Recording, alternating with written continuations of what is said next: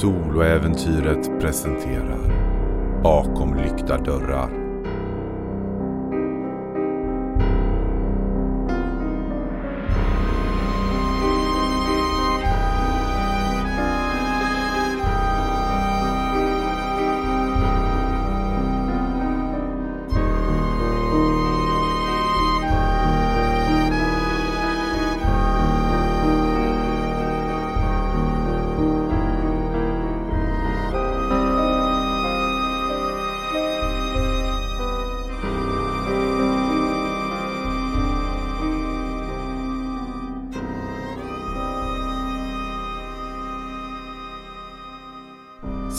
5 Avsnitt 11 Look what you made me do. Sky är ombord på ett flygplan på väg till Marseille i Frankrike. Hon är ombord tillsammans med sin flickvän Clarissa och hennes vän Hannah. Det har varit en skakig flygresa, eller i alla fall delen innan ombord på flygplanet så har Sky fått trygghet och stöd både från sin vän och sin flickvän. De är tillbaka i sätena nu, sitter ned och har börjat gå igenom de ledtrådar som de har om vad som de ska göra när de kommer fram. Clarissa sitter med en mapp som ni snodde med er från besöket hemma hos Melissa. Ni sitter lite ihophukade där och talar väldigt, väldigt lågmält medan de framför verkar nu ha dragits djupt in i sömnen. Okej, okay, säger Clarissa. Det som vi har att gå på är att vi vet att eh, Melissa verkar ha sålt våra vänner och eh, de har skickats till Marseille med ett skepp som gick under namnet Primo Victoria. Eh, det ska ha anlänt till Marseille. Köparen eh, verkar vara en eh, Jeremiah Ford. Jag har en adress till honom. Han bor en bit utanför Marseille i vad som verkar vara en herrgård av något slag. Så som jag ser det så skulle vi antingen kunna börja och undersöka hamnen och se om vi kan få några ledtrådar på hamnkontoret där. Eller så skulle vi kunna bege oss ut mot herrgården. Vad tror ni?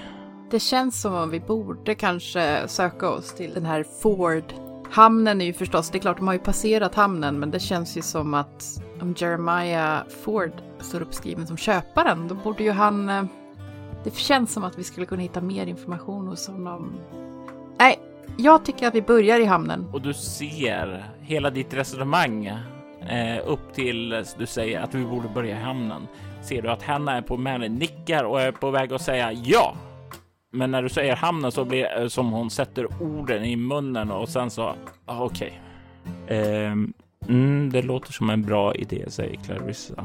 Eh, hur är er franska? Eh, du kan se hur henne kastar liksom upp händerna i luften ungefär bara.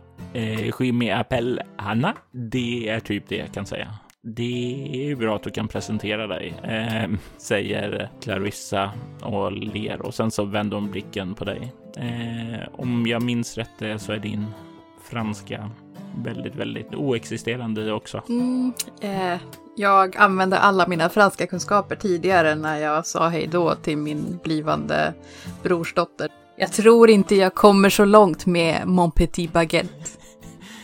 Nej, det, det tror inte jag heller, säger Clarissa.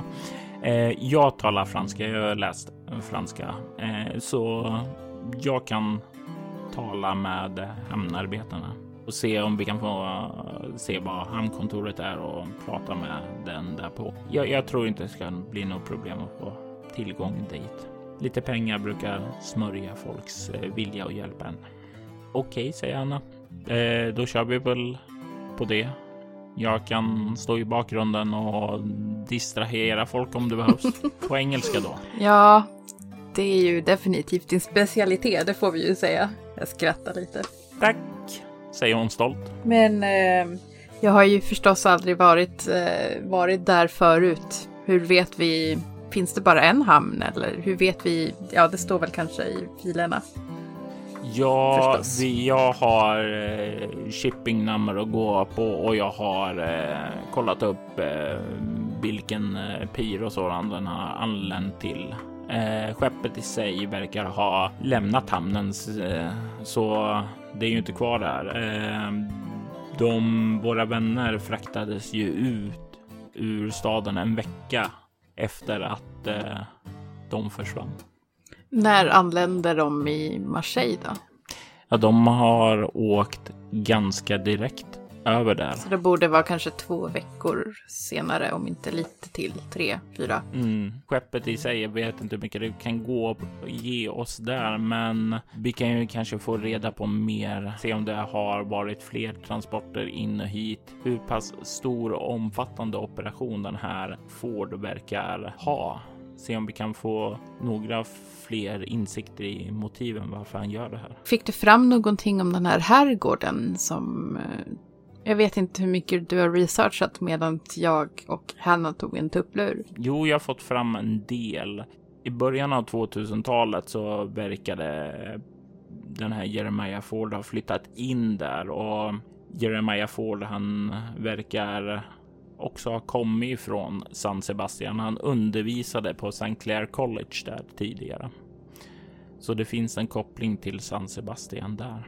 Han höll någon form av undersökning på sin herrgård. Han bjöd in folk för att eh, genomdriva något studier. Jag har inte riktigt hittat vad det handlar om, men det var under 2004 och ja, därefter finns det inte särskilt mycket information om honom. Eh, först nu och här verkar vara första gången som han finns registrerad någonstans. Jag vet inte vad han har hållit till mellan 2004 och det här. Han undervisade alltså i San Sebastian. Och sen köpte han en stor herrgård utanför Marseille. Mm. Han hade också gjort många expeditioner, arkeologiska sådana, eh, ner till Sydamerika. Jag eh, funderar på nu om...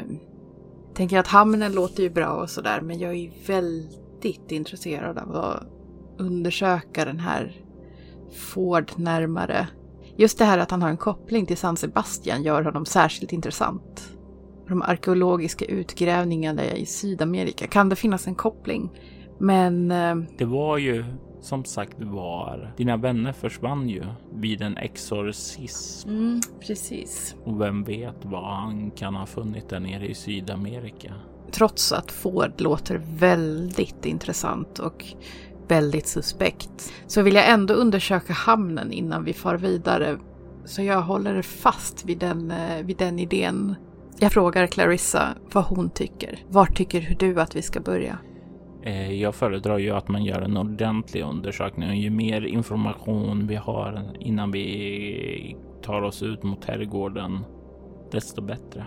En grundlig undersökning är bättre än en hafsig genomsökning. Och Hanna, behöver jag ens fråga dig vilket du vill? Nej, du vet vad jag vill. Eh, alltså, jag, hamnen tror inte jag kommer ge så mycket. Alltså, pang på rödbetan. Eh, nu kan det gått ganska långt så vi vet ju inte om eh, Ford är kvar där ute i sin creepy manor, men eh, kanske. Det finns ett eh, ordspråk som heter skynda långsamt.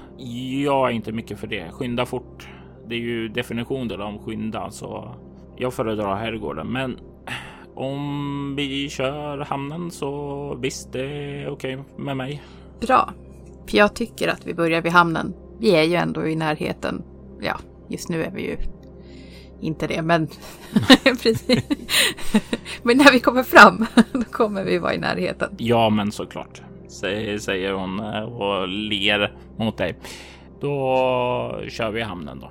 Trots allt, eh, som Clarissa säger, kanske är bra att vi har så mycket information som möjligt. Ja, information. Jag har fortfarande inte berättat för er eh, en grej som hände under den här välgörenhetsfesten. Okej, säger Clarissa. Vill du berätta för oss nu? Jag ser mig omkring för att försäkra mig om att ingen sitter och tjuvlyssnar på oss för att det känns ändå lite pinsamt att berätta om sådana här grejer bland folk. Eh, de kommer ju tro att man är galen. Ingen verkar tjuvlyssna på er. Okej. Um, det är så här att innan Hannas eh, rockkonsert och eh, mitt äventyr inne i Miss, Mrs Clarks eh, kontor så ja, jag minglade i folkmassan och försökte snappa upp lite konversationer när jag eh, blev påkommen av eh, Mrs Fisher. Ja, ni vet, rektorns fru. Mm, säger Clarissa och nickar. Hon eh, tog med mig in i biblioteket och eh, ja, jag vet inte hur jag ska förklara helt och hållet. Hon, eh, hon tog med mig in i biblioteket för att fråga mig om, eh, om Lucien. Okej, okay, säger Clarissa. Hon lutar sig fram och lägger handen på dig. Är du okej? Okay? Hon ser lite orolig ut. Nej, jag, jag, jag är okej okay nu. Det... Jag måste ju... Jag måste erkänna att jag var ganska rädd då. Det är någonting med henne som inte vi har känt till tidigare. Hon verkar vara involverad i någon... Uh... Tribunalen, säger Henna. Ja, tribunal. Hur känner, känner du till det här? Ja, ja, ja lite. Eh, jag vet att eh, det var någonting som eh, Natalie och Mariah hade en del eh, att göra med. Eh, men jag vet inte mycket mer detaljer än så. Eh, jag vet bara att de är någon typ av väldigt, väldigt mäktiga oneironauter. Oneironauter? Okej, okay, om jag säger drömmagiker då.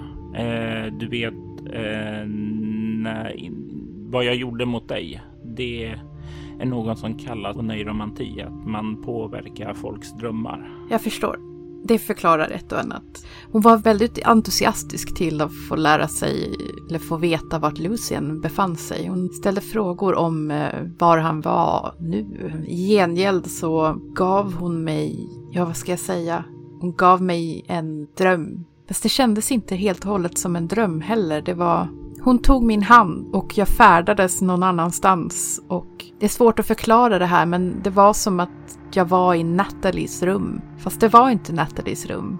Det var mer som ett fängelse. Du kan se hur Clarissa, som fortfarande inte har släppt din hand, håller den hårt och lyssnar väldigt noga på vad du säger. Försöker ta in det här. Hon är ju inte den av er som har haft mest att göra med det övernaturliga. Faktum är att hon har haft minst att göra det, men hon vet om att den finns. Och det här är nyheter för henne. Henna däremot verkar nicka förstående till det du säger. Jag kramar om Clarissas hand. Nu är det lite grann min tur att försöka lugna henne lite grann. Jag kan liksom känna att hon är lite spänd och lite obekväm inför det här. Jag vet inte riktigt vad det betydde, men hon är vid liv. Natalie är vid liv. Det är ju betryggande i alla fall, säger Clarissa. Du sa att eh, det såg ut som en cell. Eh, hur menar du då, säger Hanna. Jag bara försöker få en grepp om vad det var du upptäckte. Det såg ut som hennes rum men det var små grejer som inte riktigt stämde. Eh, som när jag öppnade hennes garderober till exempel. Den ena garderoben var en liten duschkabin och den andra det var som ett matförråd med kokvrå. Som om någon skulle liksom ha uppehållit sig där inne väldigt länge i, i Nathalies rum. Och dörren, dörren var låst. Jag lyckades få upp dörren och så gick jag ut, men det var inte Nathalies hus. Jag kom ut till en korridor där det fanns fler låsta dörrar. Och någonting jag... Det var någonting där inne. Det var... Jag vet inte, en varelse, en... Jag vet inte vad det var, men det var någonting alldeles fruktansvärt och det jagade mig. Jag sprang, jag... Jag vet inte riktigt, jag... Jag vaknade och jag måste ha kommit undan från, från vad det nu var, men jag vet inte vad det var som jagade mig. Jag vet bara att, att det var tur att jag kom undan. Medan du alltså, berättar det här så lägger Clarissa sin andra hand på din axel och liksom stryker dig där ett monster säger du, säger Hanna. Kan du beskriva mer detaljer om monstret? Det var inte en eh, vanställd förkrympt dvärg? Jag, jag vet inte, jag såg den inte. Det var... Det fanns en röd rök i korridoren. Jag vet inte om det betyder någonting här. Den röda röken i sig säger mig ingenting, men drömmar har en tendens att lämna många kryptiska ledtrådar och inte nödvändigtvis om en och samma sak, utan det kan alludera till flera olika saker. Eh, det är det som ger mig ofta en huvudvärk när jag försöker tolka saker som i drömmar. Eh, jag är inte så bra på det. Jag har typ fuskat mig till det jag har, men ehm, men det här som du säger att hon har varit fängslad i någon cell och att eh, typ det var mm. också en till grej som inte riktigt stämde i hennes rum. Jag vet inte om det också kan betyda någonting. Det, det fanns en, en jättegammal dator där inne.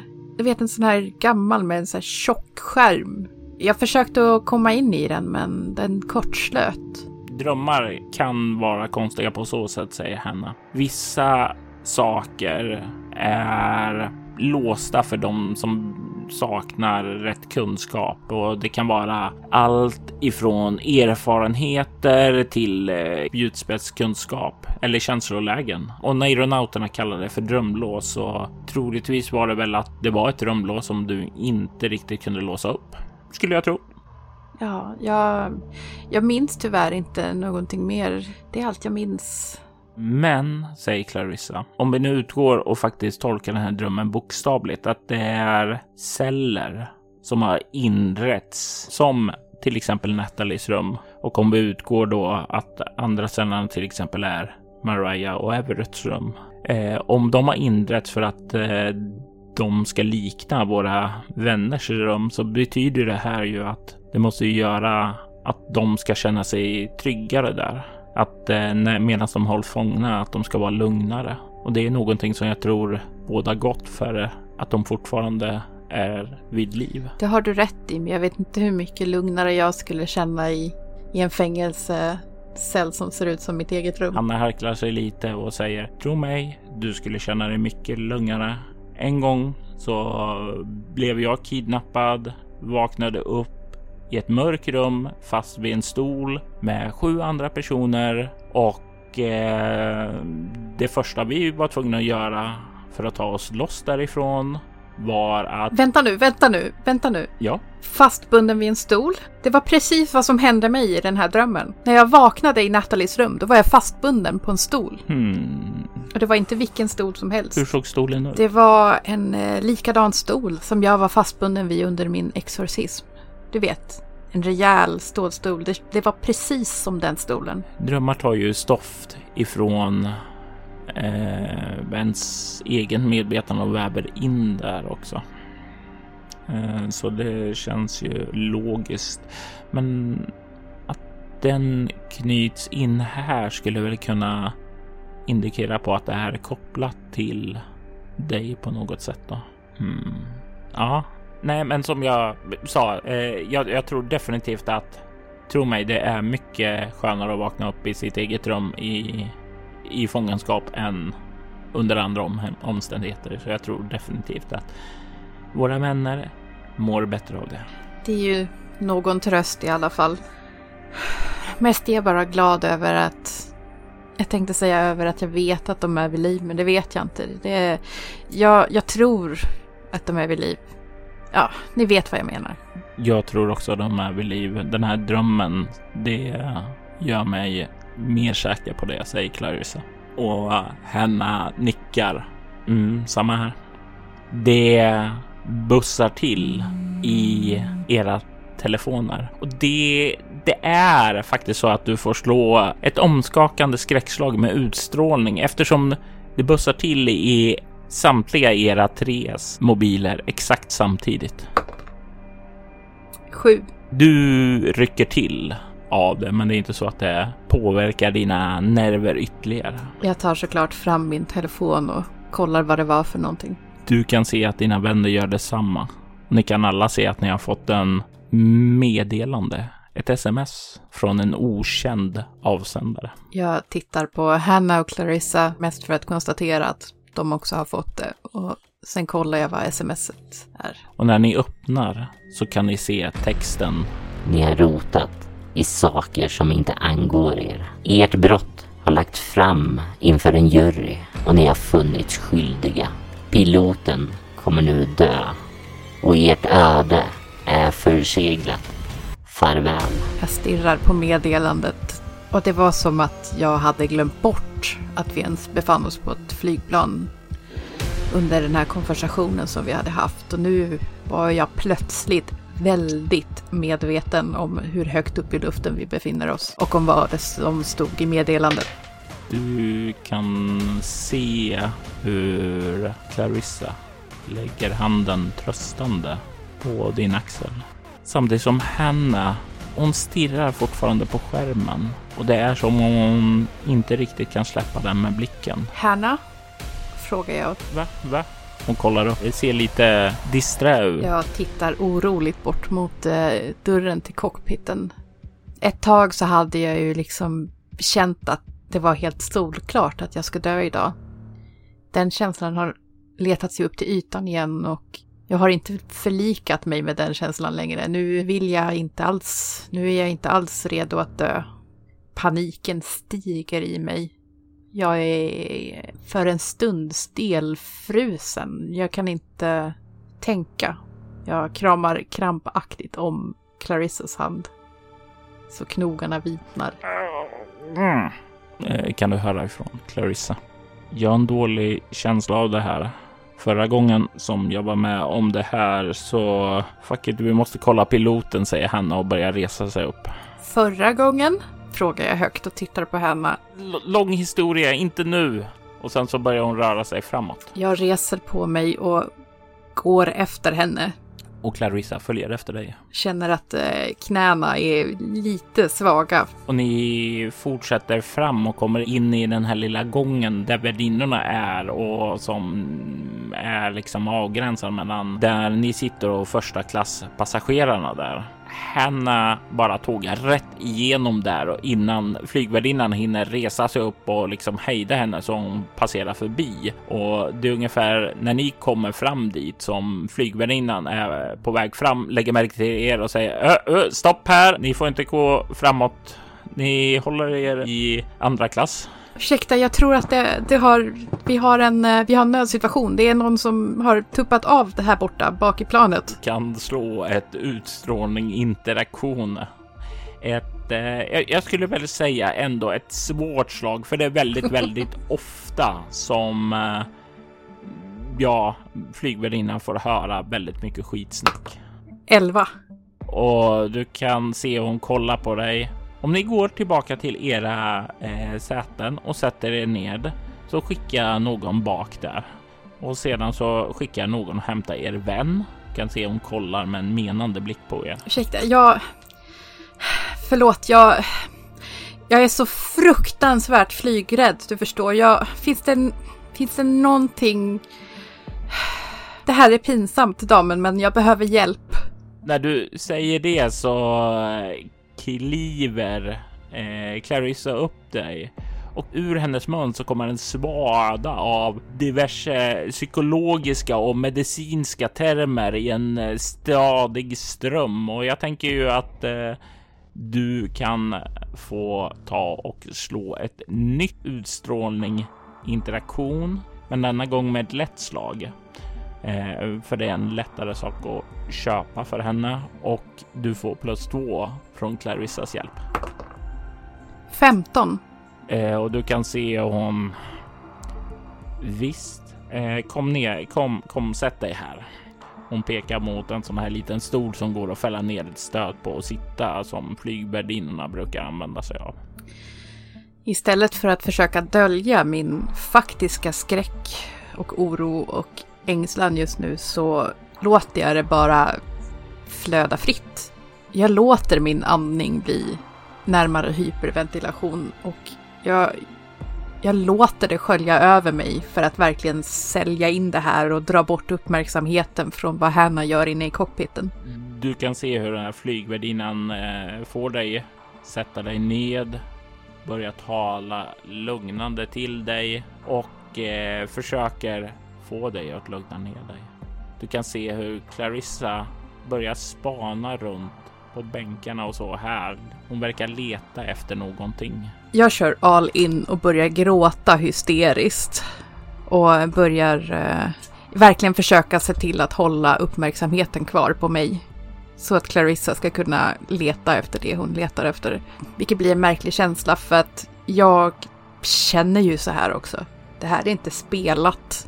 Jag bara låter mig själv känna det jag känner. Och eh, det är någonting med det här att eh, du får känna saker, men det blir det är inte lamslående utan på ett sätt så känns det ändå då som att det hjälper till att du är aktiv på något sätt. Och det bidrar ju till en känsla av märklighet. Du kan se hur Clarissa inte verkar hitta det hon letar efter. Blir irriterad, men verkar bestämma sig för att göra någonting. Hon kliver fram bakom flygvärdinnan som sitter där och försöker trösta dig och du ser hur hon verkar sträcka sina händer mot flygvärdinnan. Reagerar du på det här på något sätt? Något överrumplad av situationen så stannar jag upp och tittar väldigt frågande på Clarissa. Men sen försöker jag att eh, fortsätta avleda uppmärksamheten. Och i nästa sekund så ser du Clarissa med sina händer liksom snabbt grabba tag i flygvärdinnan, drar henne bakåt och får sin arm över hennes hals och börjar kväva henne. Du kan slå ett chockartat skräckslag med utstrålning. Nio. Du får en skräcknivå. Först blir jag lite chockad och för ett kort ögonblick så minns jag den här diskussionen som vi hade tidigare om eh, Clarissa och hennes ex. För ett kort, kort ögonblick undrar jag hur långt kommer hon att ta det där? Clarissa! Utropar jag, reser på mig och eh, försöker rädda flygvärdinnan. Du kan se då när du börjar resa upp så här och du kan se hur liksom eh, flygvärdinnans ögon börjar rulla bakåt och Clarissa kollar upp mot dig. Det är lugnt, jag har det under kontroll. Jag har det under kontroll, säger hon. Förvånad över att hon faktiskt verkar ha situationen under kontroll. För hon verkar helt klar när hon svarar på mitt rop. Ja.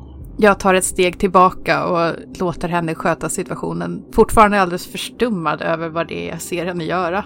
Och du kan se hur flygvärdinnan sjunker ned livlös på marken.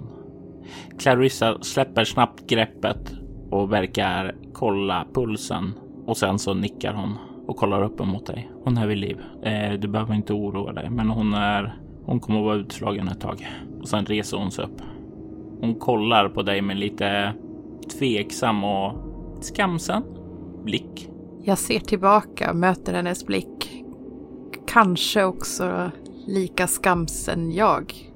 Jag ser ner på flygvärdinnan och, och tittar ut mot eh, resten av flygplanet för att se om någon la märke till vad som hände. Det verkar vara ganska lugnt där ute. Ni verkar klara er. Jag eh, försöker att flytta på flygvärdinnan lite grann så att inte hon ska synas från eh, gången i flygplanet. Och Clarissa hjälper dig. Faktum är att ni kan dra henne bort från sikt och in på personaltoaletten som finns där. Då gör vi det och stänger dörren om henne. Jag försöker att se till att hon ska vara placerad så bekvämt som möjligt och jag lägger en liten handduk under hennes huvud. Förlåt, förlåt. Jag ber så hemskt mycket om ursäkt. Och medan du gör det och säger det så kan du se hur Clarissa böjer sig fram och verkar känna över hennes fickor och kör ner handen i en av byxfickorna och fiskar fram ett par nycklar. Jag ler lite och nickar mot Clarissa och går mot cockpiten. Och när ni kliver ut härifrån ut i första klassen så kan ni ju se att om det är lugnt eh, där ute därifrån ni kom så är det inte lugnt här. Flera av passagerarna liksom har satt sig upp i sina stolar, väckts ur sin sömn av någon som står och bankar borta vid pilotdörren där. Du kan se också en eh, flygvärdinnekropp som ligger där borta också som har trillat ihop. Eh, det är Henna som står och bankar på pilotdörren om du inte hade framgått sedan tidigare. Jag antog det. Jag eh, med Clarissa bakom mig förmodar jag går eh, snabbt men försöker att låtsas som om ingenting är ovanligt eh, dit. Och så när jag kommer fram. Hanna? Hanna? Shh! Vi, vi måste in, vi måste in. Vi har nycklarna. Oh my, äntligen. Okej, okej. Okay, okay. Och eh, ni kan ju se där att flygvärdinnan som ligger vid sidan om ser, ja, det, det är någonting fel med henne och jag vill att du slår ett omskakande skräckslag med ego. Nio. Ja, nej, hon såg lite blekare ut än den andra flygvärdinnan, men är väl det. Eh, nycklarna sa du.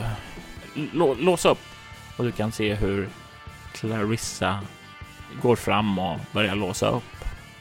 Och i stort sett efter hon har gjort det så nästan som ah, Hanna tar och sliter tag i dörren och liksom börjar röra sig inåt där. Och det här verkar ju få folk att reagera. Men, men, men, hallå, vad, vad, vad håller ni på med? Jag vänder mig om och går ut i gången och tittar på personen som eh, hade ropat och frågat vad det är som försiggår. Eh, och jag föreställer mig att det här är en man som ser uppenbart överklass ut. Såklart det är en man som gormar högst ombord i första klass. Ursäkta, men hon jobbar här. Och jobb, ja det är väl ingenting du vet någonting om. Så ta din illasittande kostym, sätt dig ner och håll käft. Det låter som du vill använda din specialisering bitch där och eh, du kan slå två tärningar med utstrålning plus interaktion då. Jajamän. Utstrålning 5, interaktion 4. Så 9 har vi där. Ja, och du ska slå ett svårt slag. Och jag slår ihop de två tärningarna då alltså? Jajamän. Mm. 16. Eh, och du kan se han eh, kolla på dig ungefär som vem fan är du och tala om det? Men när han möter din blick så efter en kort stund där så viker han sig direkt och uh, kan ni vara lite tystare i alla fall? Och sen så verkar den här lilla kommentaren fått honom eh, ja, rättfärdigad av att ha protesterat där, men kan med heden i behåll sätta sig ner. Och du kan se hur det börjar tystna där och folk börjar dra sig nedåt sen igen. Du, du kan höra inifrån cockpiten Hanna säger fuck, han är död. Jävlar. Eh, kan någon av er flyga flygplanet? Ser jag ut som en pilot? Ja, jag kan då inte flyga plan. Clarissa? När du säger det så kan du se hon kollar bort emot eh, Clarissa direkt och Clarissa bara skakar på huvudet. Eh, fan, fan, okej. Okay. Eh, om ni håller utsikten bakåt så pratar jag med honom och sen så vänder hon sig till piloten som du kan se nu sitter i sin eh, säte ihopsjunken och livlös. Det samma verkar ha hänt andra piloten också. Och du kan se hur Hanna sluter sina ögon, andas in och lägger handen på piloten och verkar fokusera en stund och du kan se hur svettpärlor liksom börjar tränga fram från pannan. Sen så slår hon upp ögonen och säger Jag behöver din hjälp. Du behöver förklara för mig hur vi flyger planet vidare. Jag vill inte att det här ska krascha. Sen verkar vara tyst en sak. Och sen så svarar hon. Jag förstår. Okej, okay. ja, jag lyssnar. Och sen så kan du se hon tar och lyfter upp honom och liksom slänger ned honom på golvet och sätter sig i pilotstolen.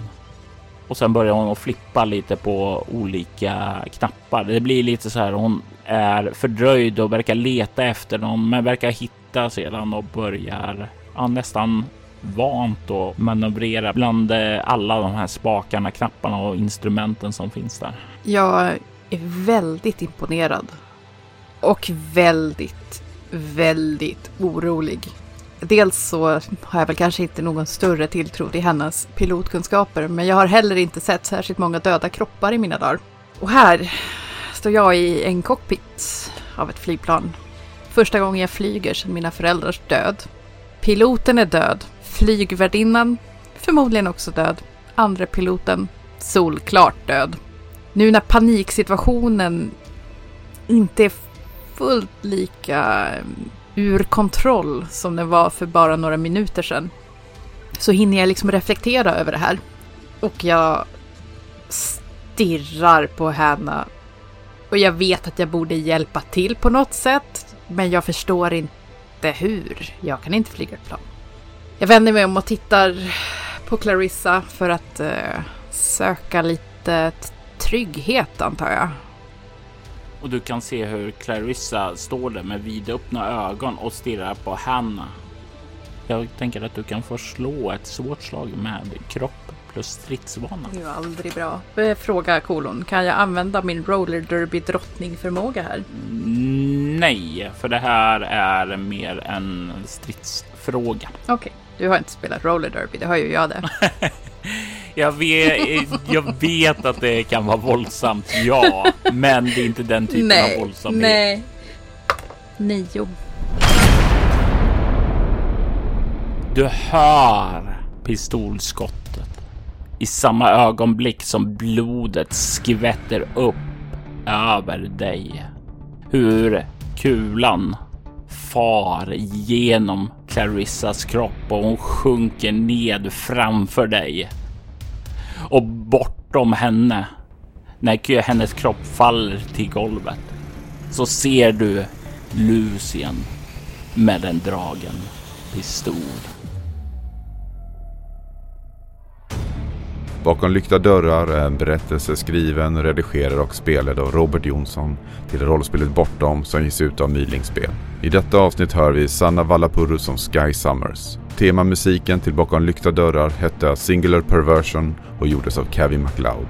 Övrig musik gjordes av Alphax One, Dead Melodies, John Bartman, Keos, Magnus Erlandsson, Regine Beats, Shrine, B-Log Songs och en kollaboration från Artrium Karcheri och City's Last Broadcast.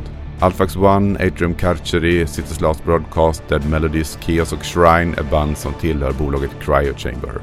Vill du ha stämningsfull ambient musik till dina spelmöten rekommenderas de varmt. Länkar till deras och övriga artisters kanaler hittar du i avsnittets inlägg. Soloäventyret är en actual play podcast där vi spelar rollspelen Bortom och Leviathan. Ni kan komma i kontakt med oss via mail på info.bortom.nu. Det går även att följa oss på Instagram och Twitter som @spelabortom, på Facebook samt på bortom.nu. Känner även fri att spana in vår spin-off-podd Altors vidder. Där spelar vi det klassiska rollspelet Drakar och Demoner i världen Altor. Ni är välkomna att lämna recensioner om podden på både Facebook och era poddappar. Det uppskattas djupt av oss och kan leda till extra belöningar för er. Mitt namn är Jörgen Niemi. Tack för att ni har lyssnat.